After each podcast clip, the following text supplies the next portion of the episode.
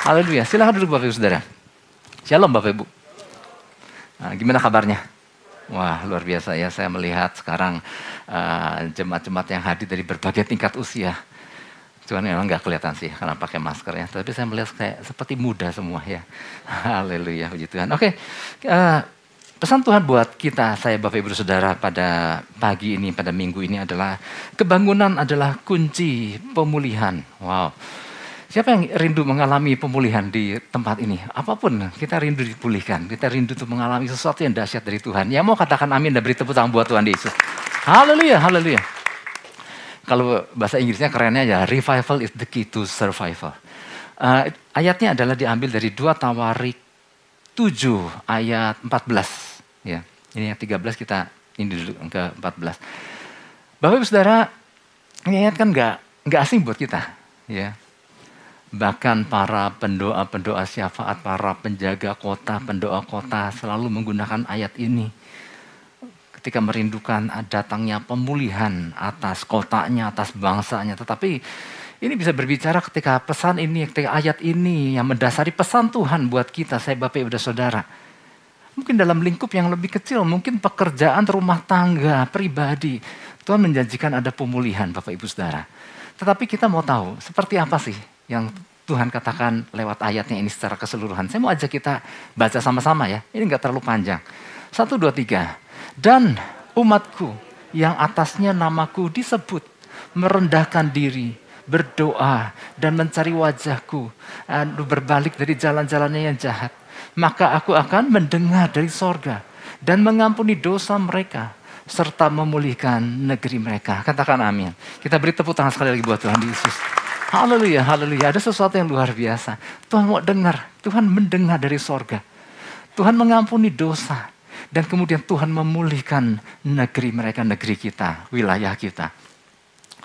Ini latar belakangnya dulu Bapak Ibu Saudara daripada ayat ini ya. Latar belakangnya adalah kalau kita di Alkitab Bapak Ibu Saudara ada judul perikopnya di situ dikatakan Tuhan menampakkan diri kepada Salomo untuk kedua kalinya. Jadi perkataan inilah perkataan yang Tuhan sampaikan kepada Salomo ya tentang kondisi negeri Israel pada waktu itu. Nah, perkataan Tuhan yang kedua kali, nah yang yang pertama kali yang mana? Saudara kalau masih ingat pertama kali Tuhan menampakkan diri kepada Salomo dan berbicara kepada Salomo adalah ketika Salomo memulai pemerintahannya di awal. Dia nggak tahu bagaimana dia memerintahkan umat, memerintah umat Tuhan yang luar biasa ini, bangsa Israel ini dan kemudian Tuhan menampakkan diri kepadanya dan Tuhan berkata, Salomo minta yang apa apa yang akan aku berikan kepadamu. Wah ini luar biasa. Salomo disuruh minta apa aja yang akan aku berikan. Salomo bisa minta nyawa musuhnya, Salomo minta bisa minta kekayaan, Salomo minta banyak hal. Tapi yang luar biasa Salomo pada awal pemerintahan dia minta, dia bilang, aku minta hikmat untuk bisa memimpin umatmu yang besar ini. Lalu apa yang terjadi? Tuhan kasih hikmat dan Tuhan kasih kekayaan dan segala kelimpahan buat Salomo. Nah itu yang per, penampakan pertama Tuhan kepada Salomo. Ya.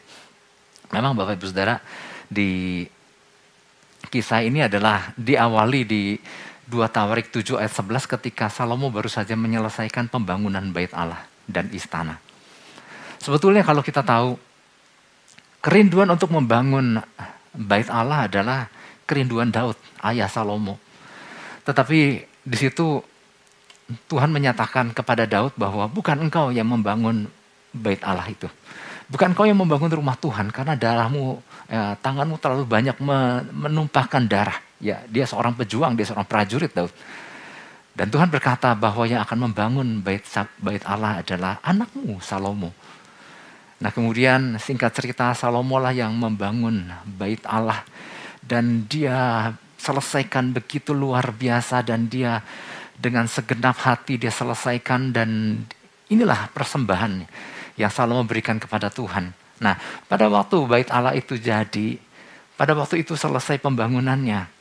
Nah Tuhan menampakkan diri kepada Salomo untuk kali yang kedua. Nah untuk kali yang kedua, Tuhan bilang begini, Sekiranya terjadi sesuatu atas umat Tuhan. Oke, mundur satu ayat ya, ayat 13. Ini luar biasa Bapak Ibu Saudara. Bila mana aku menutup langit sehingga tidak ada hujan. Dan bila mana aku menyuruh belalang memakan habis hasil bumi. Dan bila mana aku melepaskan penyakit sampar di antara umatku. Masuk baru ayat 14. Ayat 14, dan umatku yang atasnya namaku disebut merendahkan diri, berdoa, mencari wajahku, lalu berbalik dari jalan-jalan jahat, maka Tuhan akan lakukan sesuatu yang luar biasa. Nah, saudara jangan dibingungkan dengan ayat 14, wah Tuhan yang memberikan itu. Artinya gini, ketika hal itu terjadi, ketika Tuhan mengizinkan sesuatu yang nggak nggak mengenakan itu terjadi, Tuhan udah kasih kuncinya supaya umat Tuhan ngalami pemulihan. Nah, saya, saya akan menjelaskan uh, yang di ayat 13 tadi kan di situ dikatakan bila mana ada langit ya yang tertutup sehingga nggak ada hujan di bumi. Saudara, ini apa sih bicara tentang apa? Ini bisa bicara tentang makna harafiahnya ya secara literal bahwa memang nggak ada hujan turun. Nah Bapak Ibu Saudara kita bisa bayangkan seperti apa orang hidup di bumi tapi nggak ngalami hujan. Israel pernah ngalami masa di zaman Elia, di mana tiga setengah tahun tidak turun hujan atas Israel. Dan mereka sangat menderita. Nanam benih apa pun nggak tumbuh karena nggak ada air yang dicurahkan atas tanah, atas bumi. Sehingga apa yang mau dihasilkan? Nah, tapi ini juga bisa bermakna gini Bapak Ibu Saudara. Bicara tentang kekeringan-kekeringan sesuatu yang harusnya dicurahkan. Kekeringan-kekeringan berkat. Kekeringan sesuatu yang mungkin nggak sedikit orang-orang yang merindukan adanya terobosan. Mungkin nggak sedikit orang-orang merindukan ada pintu-pintu yang dibuka. Ada satu berkat yang dicurahkan. Tapi kok belum? Ada kekeringan. Apakah itu sesuatu yang enak? Sesuatu yang nggak enak air hujan secara nyata aja kita rindukan. Ya apalagi air hujan plus berkat-berkat Tuhan kan bukankah itu luar biasa. Tapi ketika ada yang tertutup saudara. Sepertinya kering. Dan itu yang kita dambakan, itu yang banyak orang dambakan untuk mengalami, ya kan? Karena itu juga salah satu bagian yang dijanjikan Tuhan. Lalu apalagi, tapi ini juga bisa berbicara tentang kekeringan rohani. Ya berapa banyak ada orang-orang yang, ya ampun Pak, iring Tuhan kok kering. Kok jenuh. Kok kayaknya membosankan. Nah itu artinya orang itu sedang mengalami kekeringan rohani.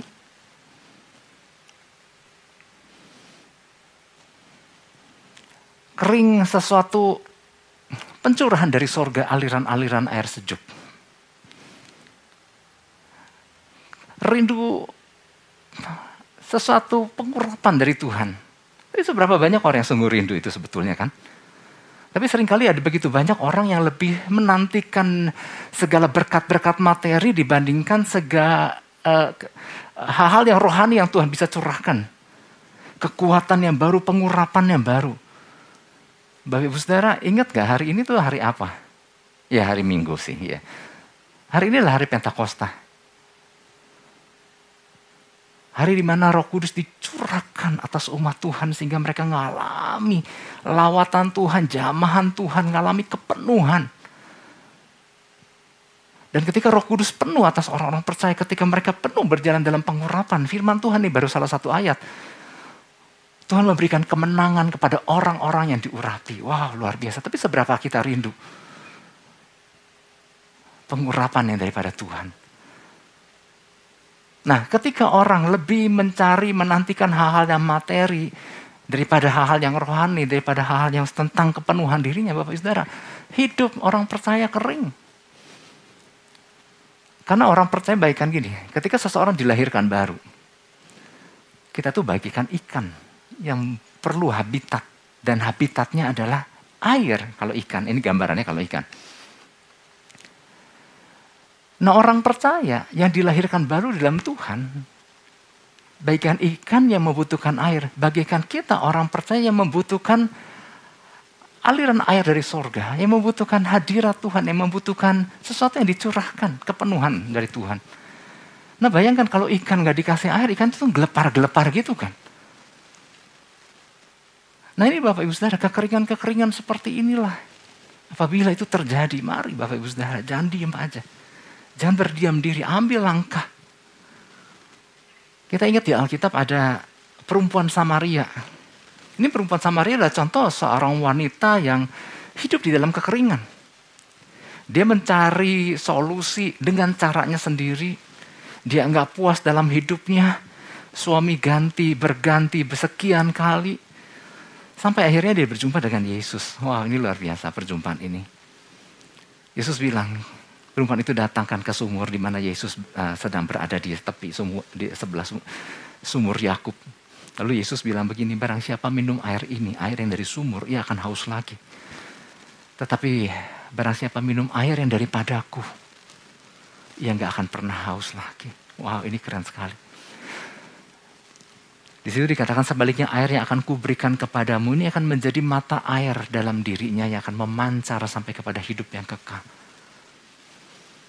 Rindukan aliran air dari surga. Jangan membiarkan kekeringan melanda. Karena kekeringan yang dari Tuhan membuat kering banyak hal, banyak area dalam kehidupan orang percaya. Ini baru bicara yang pertama tadi. Ketika ada kekeringan, ketika ada langit yang tertutup dan tidak mencurahkan hujan. Ada seberapa banyak orang-orang yang mengalami masa-masa kekeringan. Yang kita rindu ada sesuatu lawatan Tuhan tentunya. Lalu apalagi yang terjadi Bapak Ibu Saudara? Apabila ada belalang memakan habis hasil bumi, ketika itu diizinkan terjadi Bapak Ibu Saudara, betapa ruginya. Ini kasus ini berbeda dengan yang pertama. Kalau yang pertama kan gak ada hujan yang dicurahkan, kering, nanam benih apa juga gak tumbuh benihnya. Tapi bagian yang kedua ini adalah apabila ada belalang memakan habis hasil bumi.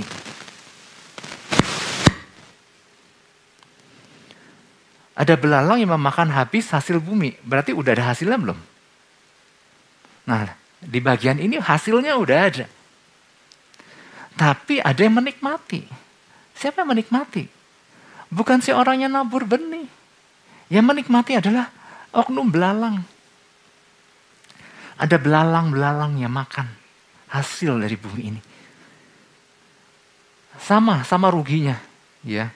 Udah capek-capek uh, nanam benih, udah capek-capek nyirem, dan kemudian apa yang terjadi? Hasilnya nggak bisa dinikmatin karena ada pihak lain yang menikmati. Sebuah kerugian, bayangkan ya. Seharusnya kita menikmati apa yang kita tanam, ya apa yang kita kelola, tapi ternyata nggak bisa dinikmati karena ada yang nyuri. Udah pak, udah dapat pak. Eh ada aja mesti keluar untuk yang enggak-enggak. Gak sedikit orang-orang yang mengalami hal yang seperti ini Bapak Ibu Saudara. Seperti ada belalang yang makan. Lalu apa lagi? Kondisi yang terjadi. Kondisi yang ketiga di situ ada penyakit sampar di antara umat Tuhan. Ini berbicara tentang sakit penyakit. Ya, jangan, jangan pandang remeh tentang sakit penyakit. Ah, nggak apa-apa, aku mah kuat.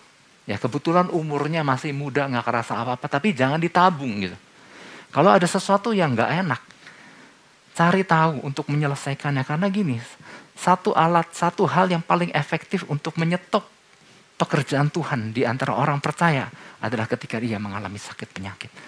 Orang yang mengalami sakit penyakit, dia stop untuk melakukan banyak hal yang sesungguhnya Tuhan mau lakukan atas hidupnya. Oleh sebab itu mau gak mau Bapak Ibu Saudara kita harus memelihara hidup yang baik, hidup yang sehat. Ya, penting untuk cek berkala ya. Karena gini, ada banyak hal besar. Kalau kita percaya ada banyak hal besar di depan yang akan Tuhan percayakan dalam kehidupan kita. Dan kemudian pas hal besar itu Tuhan percayakan, eh lagi sakit. Lagi nggak mampu, Pak, lagi nggak bisa. Aduh sayang sekali. Maksud itu mari pelihara ya, pelihara hidup sehat.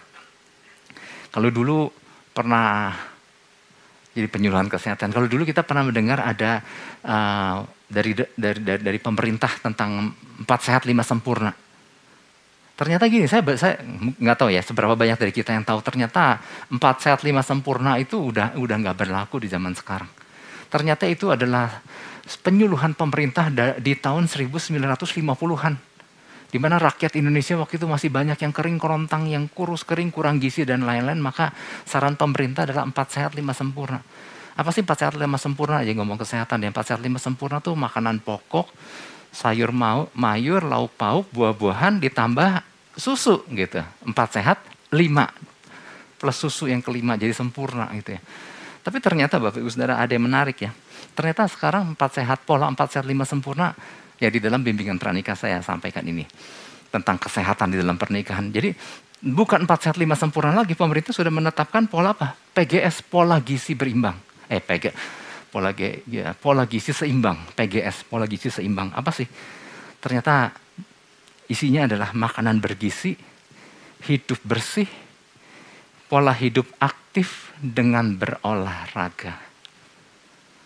Jadi bukan cuma empat sehat lima sempurna lagi. Ada yang bergerak aktif dengan berolahraga dan makan makanan yang bergizi. Tetapi dari Departemen Kesehatan Republik Indonesia dan WHO hari ini ternyata menetapkan sebuah definisi tentang kesehatan. Definisi kesehatan bukan soal berbicara soal sehat jasmani aja. Mereka menetapkan harus sehat rohani dan sehat sosial. Ada orang yang badannya sehat, rohaninya ambruk. Ada orang yang badannya sehat, hubungan sosialnya jelek. Hubungan sosial itu dengan sesama. Tapi yang luar biasa ya, makanya menarik dari WHO atau Departemen Kesehatan Republik Indonesia menetapkan bahwa mesti sehat jasmani, sehat rohani, rohaninya mesti bugar, spiritualnya mesti bugar, tapi juga harus sehat sosial. Karena gini, waktu kita bisa berinteraksi, menjalin relasi dengan banyak orang, itulah salah satu sarana yang Tuhan mau percayakan sama kita untuk bisa memberitakan sesuatu yang luar biasa. Wow, tapi inilah itu itu itu tadi ya di dalam dua Tawarik uh, 7 ayat 13 ya. Ketika sesuatu terjadi Bapak Ibu Saudara, ketika langit atas izin Tuhan tertutup bagi umatnya, ketika ada hasil yang dimakan sama belalang, ketika ada penyakit terjadi, Bapak Ibu Saudara, apa yang harus dilakukan? Nah, ini pesan Tuhannya dulu ya. Pesan Tuhannya adalah ketika terjadi hal-hal yang tidak diinginkan tadi, ya keadaan nggak ada hujan, ada belalang memakan hasil bumi atau penyakit. Tuhan ingin orang percaya untuk apa? Datang merendahkan diri di hadapan Tuhan. Jadi Tuhan sedang mengajarkan bagaimana orang percaya bersikap benar ketika sesuatu yang nggak mudah terjadi. Ada sesuatu yang nggak mengenakan ketika itu terjadi. Tuhan lagi ajarkan bagaimana orang percaya harus bersikap dengan tepat. Ya, Tuhan ada bukan sosok yang uh, sulit untuk ditemui. Ada istilah gini Bapak Ibu Saudara, lebih sulit nemuin pejabat yang berpangkat tinggi yang dengan setengah kesibukannya sulit, lebih sulit menemui pejabat daripada menemui Tuhan. Tapi untuk menemui Tuhan sekalipun nggak sedikit orang percaya terlalu lamban, terlalu berat untuk menemui Tuhan.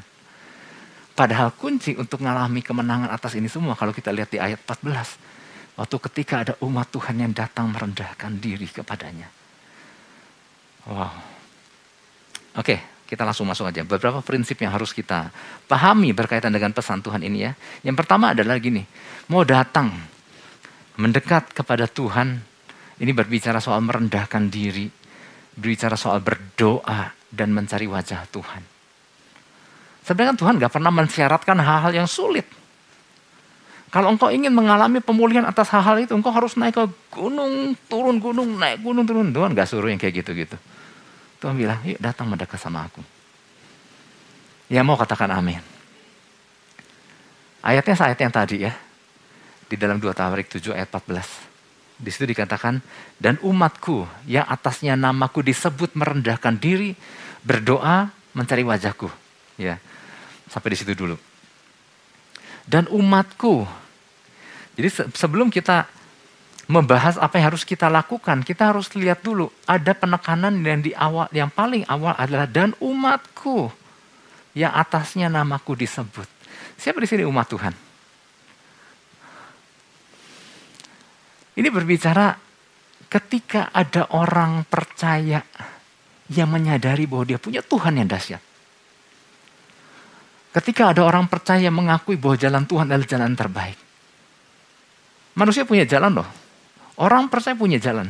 Tapi ingat Tuhan punya jalan yang lebih baik. Orang percaya punya rencana. Tuhan punya rencana yang lebih dahsyat. Dan umatku yang atasnya nama namaku disebut. Dan ketika ada orang percaya yang mau mengakui bahwa jalan Tuhan jalan yang paling baik. Rencana Tuhan adalah rencana terdahsyat. Dan ketika orang itu mau datang sama Tuhan. Dan, per, dan kata, makna daripada kata umatku ini enggak memang bisa berbicara banyak. ya Di dalam bahasa aslinya bisa bicara suatu bangsa. Bisa bicara satu kota. Bisa bicara sekelompok besar orang. Tapi ternyata kata umatku berbicara nggak perlu terlalu banyak orang.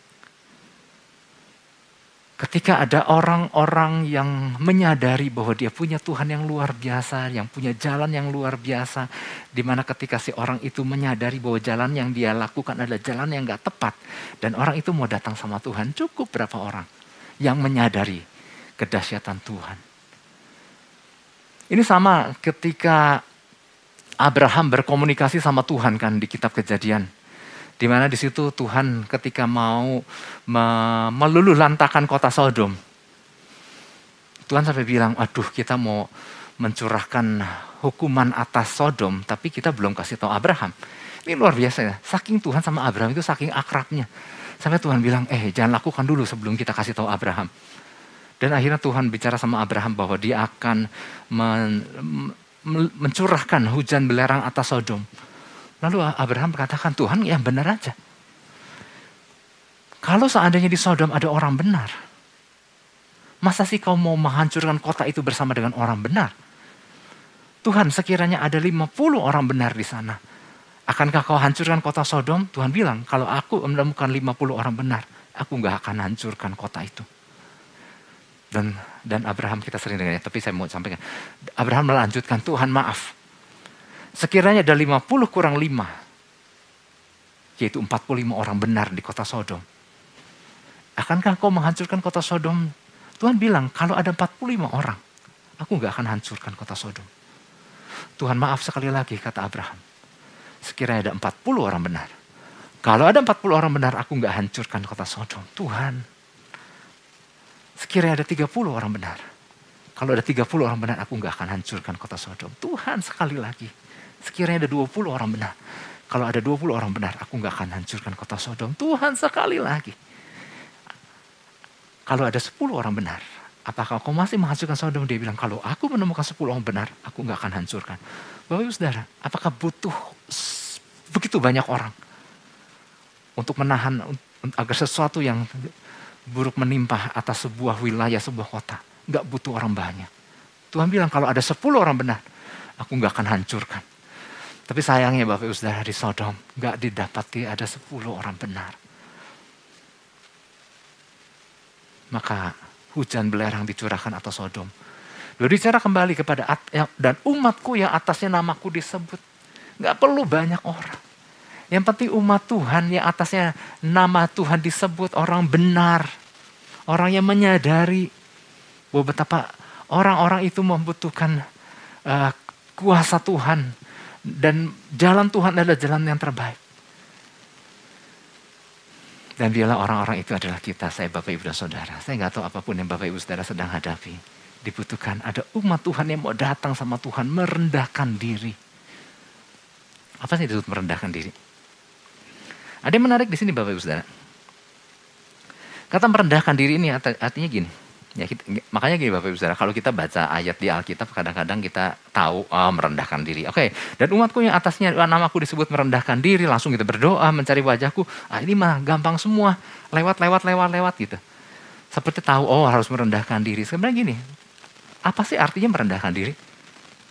Nah kalau kita kupas sedikit apa sih yang dimaksud merendahkan diri? Oh ternyata itu sebuah langkah yang mungkin gak mudah merendahkan diri apa saya disebut merendahkan diri? Di dalam bahasa aslinya adalah kanak ya. Saya nggak tahu waktu saya apa cukup untuk membahas satu persatu itu, tapi minimal merendahkan diri Bapak Ibu Saudara di dalam bahasa aslinya adalah menundukkan diri. Menundukkan diri. Kemudian menyerah. sorry ya, kok ini gue yang. Menundukkan diri, menyerah menyatakan ketidakmampuan kita. Menyerah atau berserah tanda nggak mampu. Itu disebut merendahkan diri. Nah, Apakah kalau seseorang baca merendahkan diri kemudian dia bilang, oh merendahkan diri gampang, toh aku merendahkan orang juga, aku juga rendah hati gitu. Orang yang rendah bisa aku yang merendahkan diri dari sesuatu yang mudah. Tapi ternyata kalau kita tahu definisinya adalah menundukkan diri, menyerahkan segala sesuatu sama Tuhan, berserah, menyatakan nggak ketidakmampuan kita. Nah, saudara kalau masih ingat dulu pernah ada pesan Tuhan tentang pasrah atau berserah. Nah, di situ kita pernah belajar kan, kalau masih ingat. Apa itu berserah atau itu apa itu pasrah? Nah, kata berserah di dalam bahasa Inggrisnya adalah surrender. Nah, kata surrender adalah kata yang sering digunakan di dalam pertempuran. Di mana pihak yang ditaklukkan, maka pihak yang ditaklukkan itu dia menyatakan bahwa dia surrender, dia menyerah. Menyerah kepada siapa? Kepada pihak yang menaklukkan. Nah, ketika dia berkata bahwa dia menyerah, ini kayak lagi ada main drum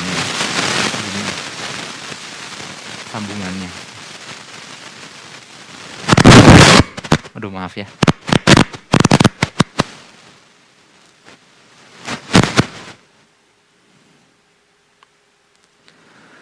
Jadi kata menyerah, kata surrender menyatakan bahwa pihak yang kalah harus menyerahkan semua haknya kepada pihak yang menaklukkan. Jadi mereka harus menyerahkan apa? Senjata mereka, mereka harus menyerahkan apa? Menyerahkan diri mereka tanpa ada tindakan perlawanan apa-apa lagi. Mereka menyerahkan tubuh mereka kepada pihak yang menaklukkan dan mereka menyerahkan bahwa mau diapakan mereka udah nggak bisa berbuat apa-apa. Itu yang dikatakan menyerah, berserah, surrender. Mau diikat, mau dirantai, mau diapa, mereka udah nggak punya hak lagi untuk tawar menawar. Nah prinsip yang sama juga berlaku ketika kita umat Tuhan merendahkan diri kepada Tuhan ketika datang dan berserah kepada Tuhan. Artinya apa? Kita datang menyatakan diri ketidaksanggupan kita. Yang selama ini kita lakukan. Dan menyerahkan segala tindakan salah kita sama Tuhan. Ya. Jadi bukan sekedar datang, Tuhan, aku merendahkan diri nih. Aku minta maaf ya Tuhan. Tapi kita harus menyatakan dulu bahwa apa jalan yang selama ini aku tempuh itu ternyata nggak jalan Tuhan. Dan aku mau mengakui bahwa jalanmu adalah jalan yang terbaik. Dan aku mau menyerahkan diriku, aku menaklukkan diriku di hadapanmu. Aku nggak mau pakai jalanku lagi. Tapi seberapa banyak orang-orang percaya yang merendahkan diri dengan sombong. Merendahkan diri dengan sombong artinya gini, dari mulut menyerahkan segala sesuatu ke dalam tangan Tuhan. Tuhan aku serahkan ke dalam tanganmu. Tetapi caranya masih pakai cara sendiri lagi. Masih pakai cara yang lama lagi. Masih pakai cara yang udah tahu jelas salah masih dipakai lagi.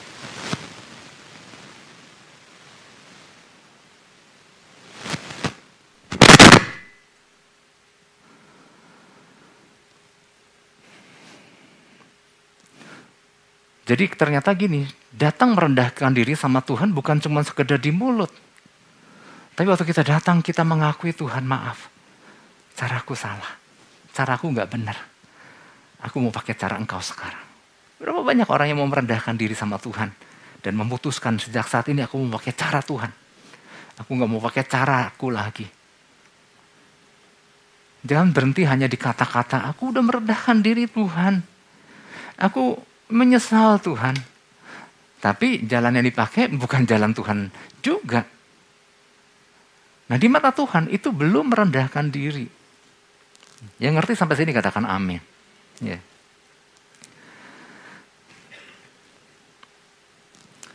Seringkali orang rindu hasil yang berbeda tetapi masih melakukan dengan cara yang sama terus. Dan itu artinya nggak mungkin.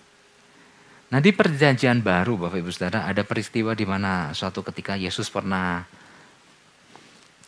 meminjam perahunya Simon Petrus. Waktu itu Yesus mau mengajar banyak orang. Waktu itu Yesus ada di tepi danau Galilea di mana nelayan-nelayan sedang berkumpul membersihkan jalanya. Dan kemudian Yesus menghampiri perahu yang adalah perahu Simon Petrus.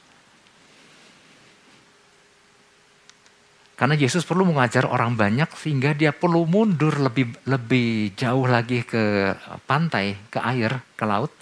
Sehingga dia perlu naik perahu, sehingga perahunya itu agak masuk ke agak ke depan ke dalam air sehingga Yesus dengan jarak yang cukup dia bisa mengajar orang banyak yang ada di pantai itu. Dan kemudian, ketika Yesus selesai mengajar, Yesus berkata kepada Simon Petrus, nah sekarang Simon bertolaklah ke tempat yang dalam dan tebarkanlah jalamu di sana. Lalu kita kita sering mendengar apa kata Simon Petrus, guru udah semalam-malaman aku menjala ikan, tapi aku nggak menangkap apa-apa. Karena gini, buat Simon Petrus, seorang nelayan tahu sekali waktu menangkap ikan adalah tengah malam.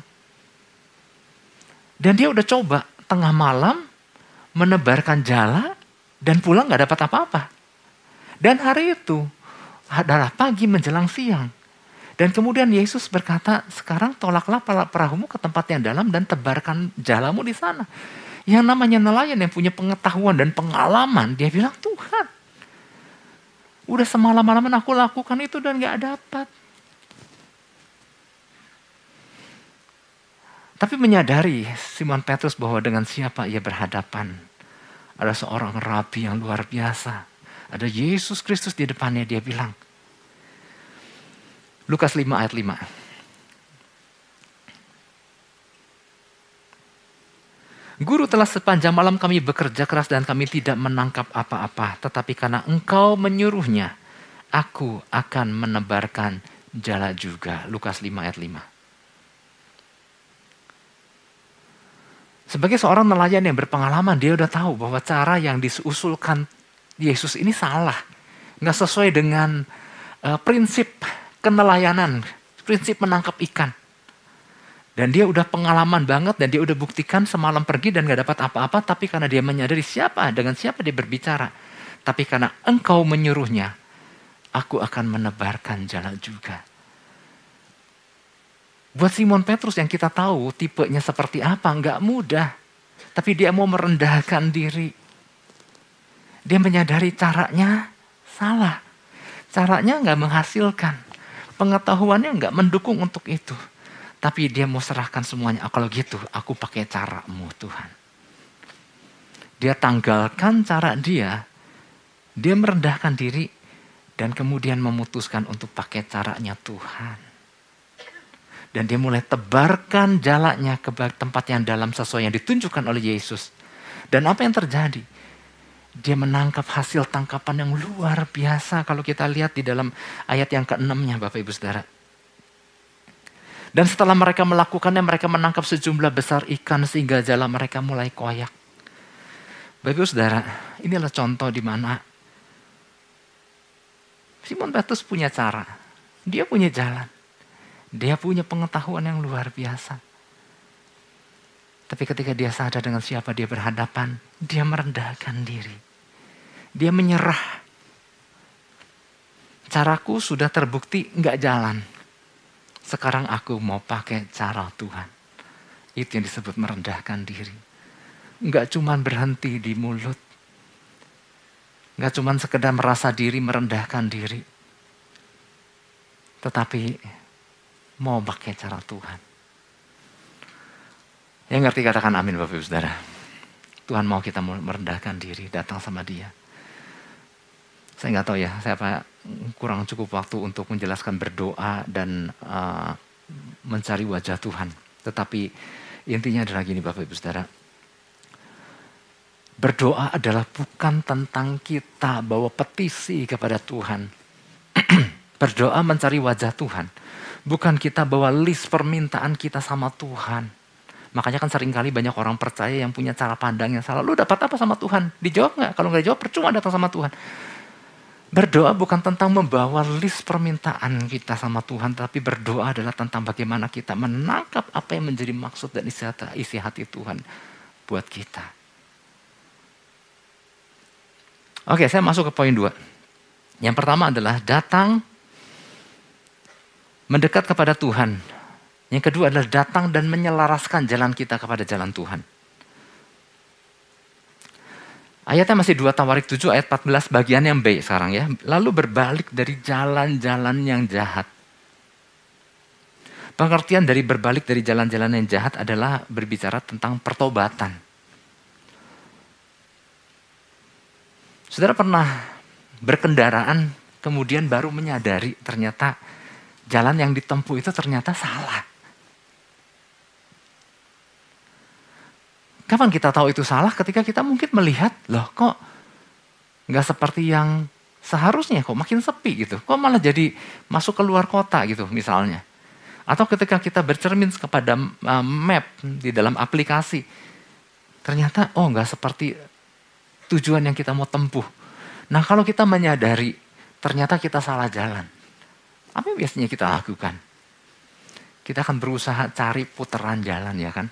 Kalau ada rambu kita cari rambu yang U terbalik, warna biru. Untuk apa sih tujuannya? Supaya kalau kita menemukan rambu itu kita dapat kesempatan untuk memutarkan kendaraan kita dan berbalik arah ke jalan yang seharusnya.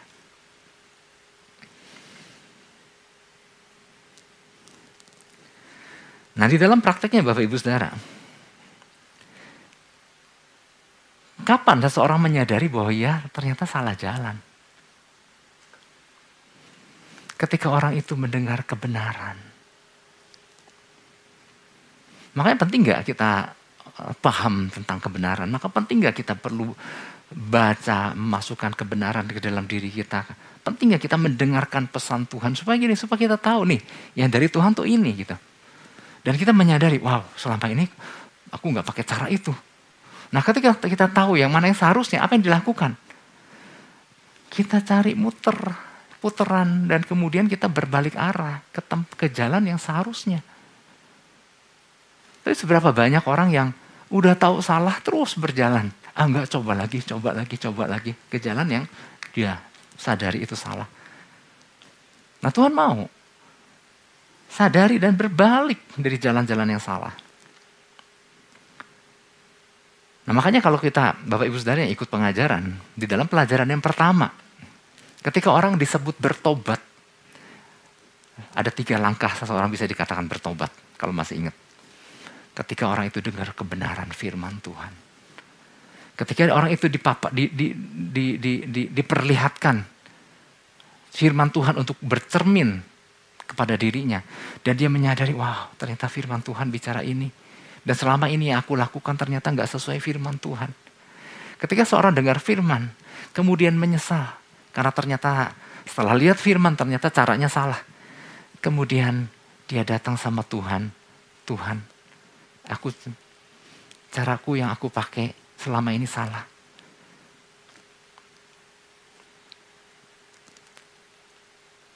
Itu langkah pertama. Langkah kedua adalah ketika tahu dia itu jalan yang salah. Yang kedua adalah jangan lakukan lagi. Apakah itu disebut bertobat? Belum. Baru dengar firman, menyesal, mengerti, datang sama Tuhan, minta ampun, dan Tuhan pasti ampuni. Yang kedua, jangan pernah melakukannya lagi. Dan yang ketiga, yang ketiga ini adalah kalau tahu itu salah, yuk berbalik mengikuti jalannya Tuhan kali ini. Nah langkah satu, dua, dan tiga ini baru disebut pertobatan. Ternyata untuk disebut berbalik dari jalan-jalan yang salah adalah perlu langkah. Kadang-kadang ada orang terlalu berat untuk melangkah dengan cara yang baru karena udah terlalu nyaman dengan cara yang lama.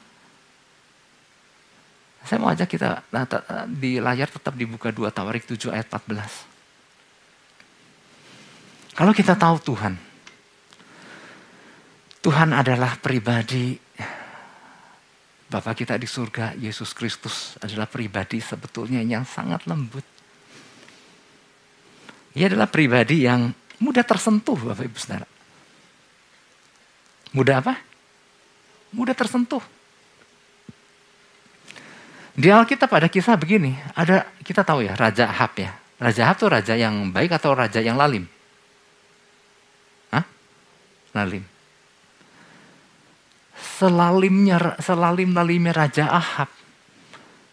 Di mana Tuhan udah mau kasih penghukuman sama Ahab. Tapi ada satu masa di mana Ahab merendahkan diri sama Tuhan. Dan Alkitab berkata Tuhan tersentuh dengan apa yang dilakukan Ahab. Kita yang bacanya aja Ahab ya Tuhan bunuh aja nih Ahab nih kejam banget gitu ya. Enggak lah saya enggak gitu. Tapi kadang-kadang greget banget lihat Ahab. Ahab punya istri adalah Isabel.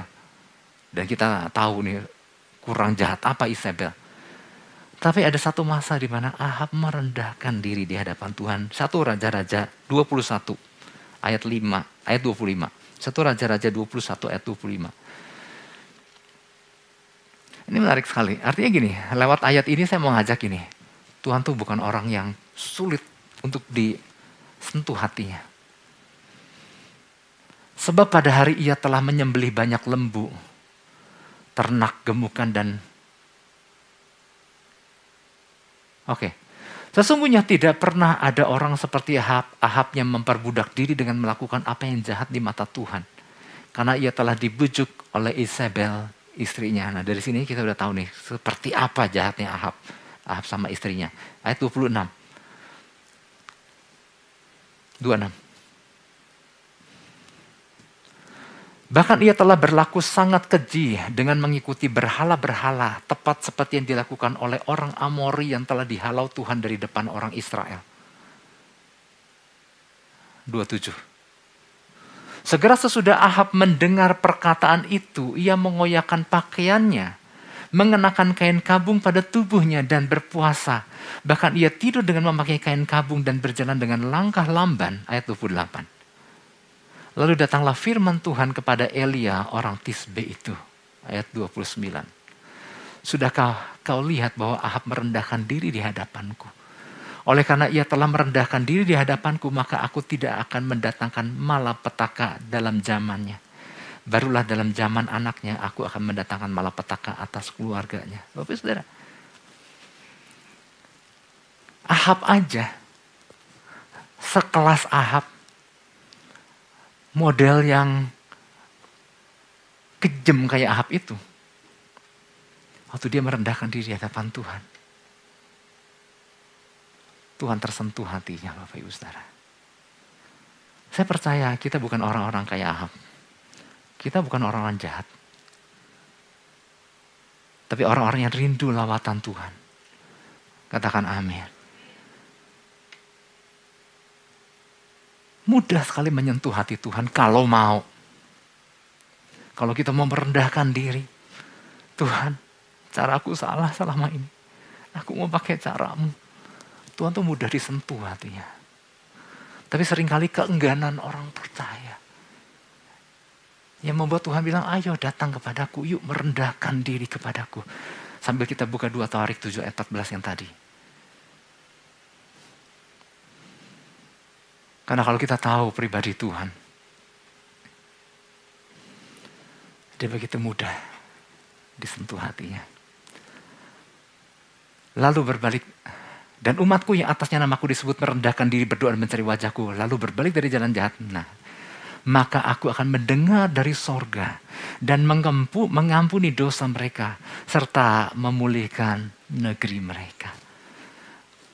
Tuhan kasih suatu contoh kasus. Tuhan kasih jalan keluarnya. Dan Tuhan kasih lihat hasilnya seperti ini. Adakah orang-orang yang terlalu keras hatinya? Ketika Tuhan menyampaikan pesannya bahwa Tuhan akan memulihkan negerinya. Adakah kita terlalu berat untuk mau datang merendahkan diri untuk menyentuh hati Tuhan. Saya percaya mestinya kita ada orang-orang yang mau datang sama Tuhan, merendahkan diri, katakan amin. Kita beri tepuk tangan buat Tuhan Yesus. Haleluya. Dan percaya bahwa Tuhan dengar apa yang menjadi seruan doa kita. Tuhan mengampuni dosa dan memulihkan negeri kita. Bapak Ibu Saudara, saya undang kita bangkit berdiri.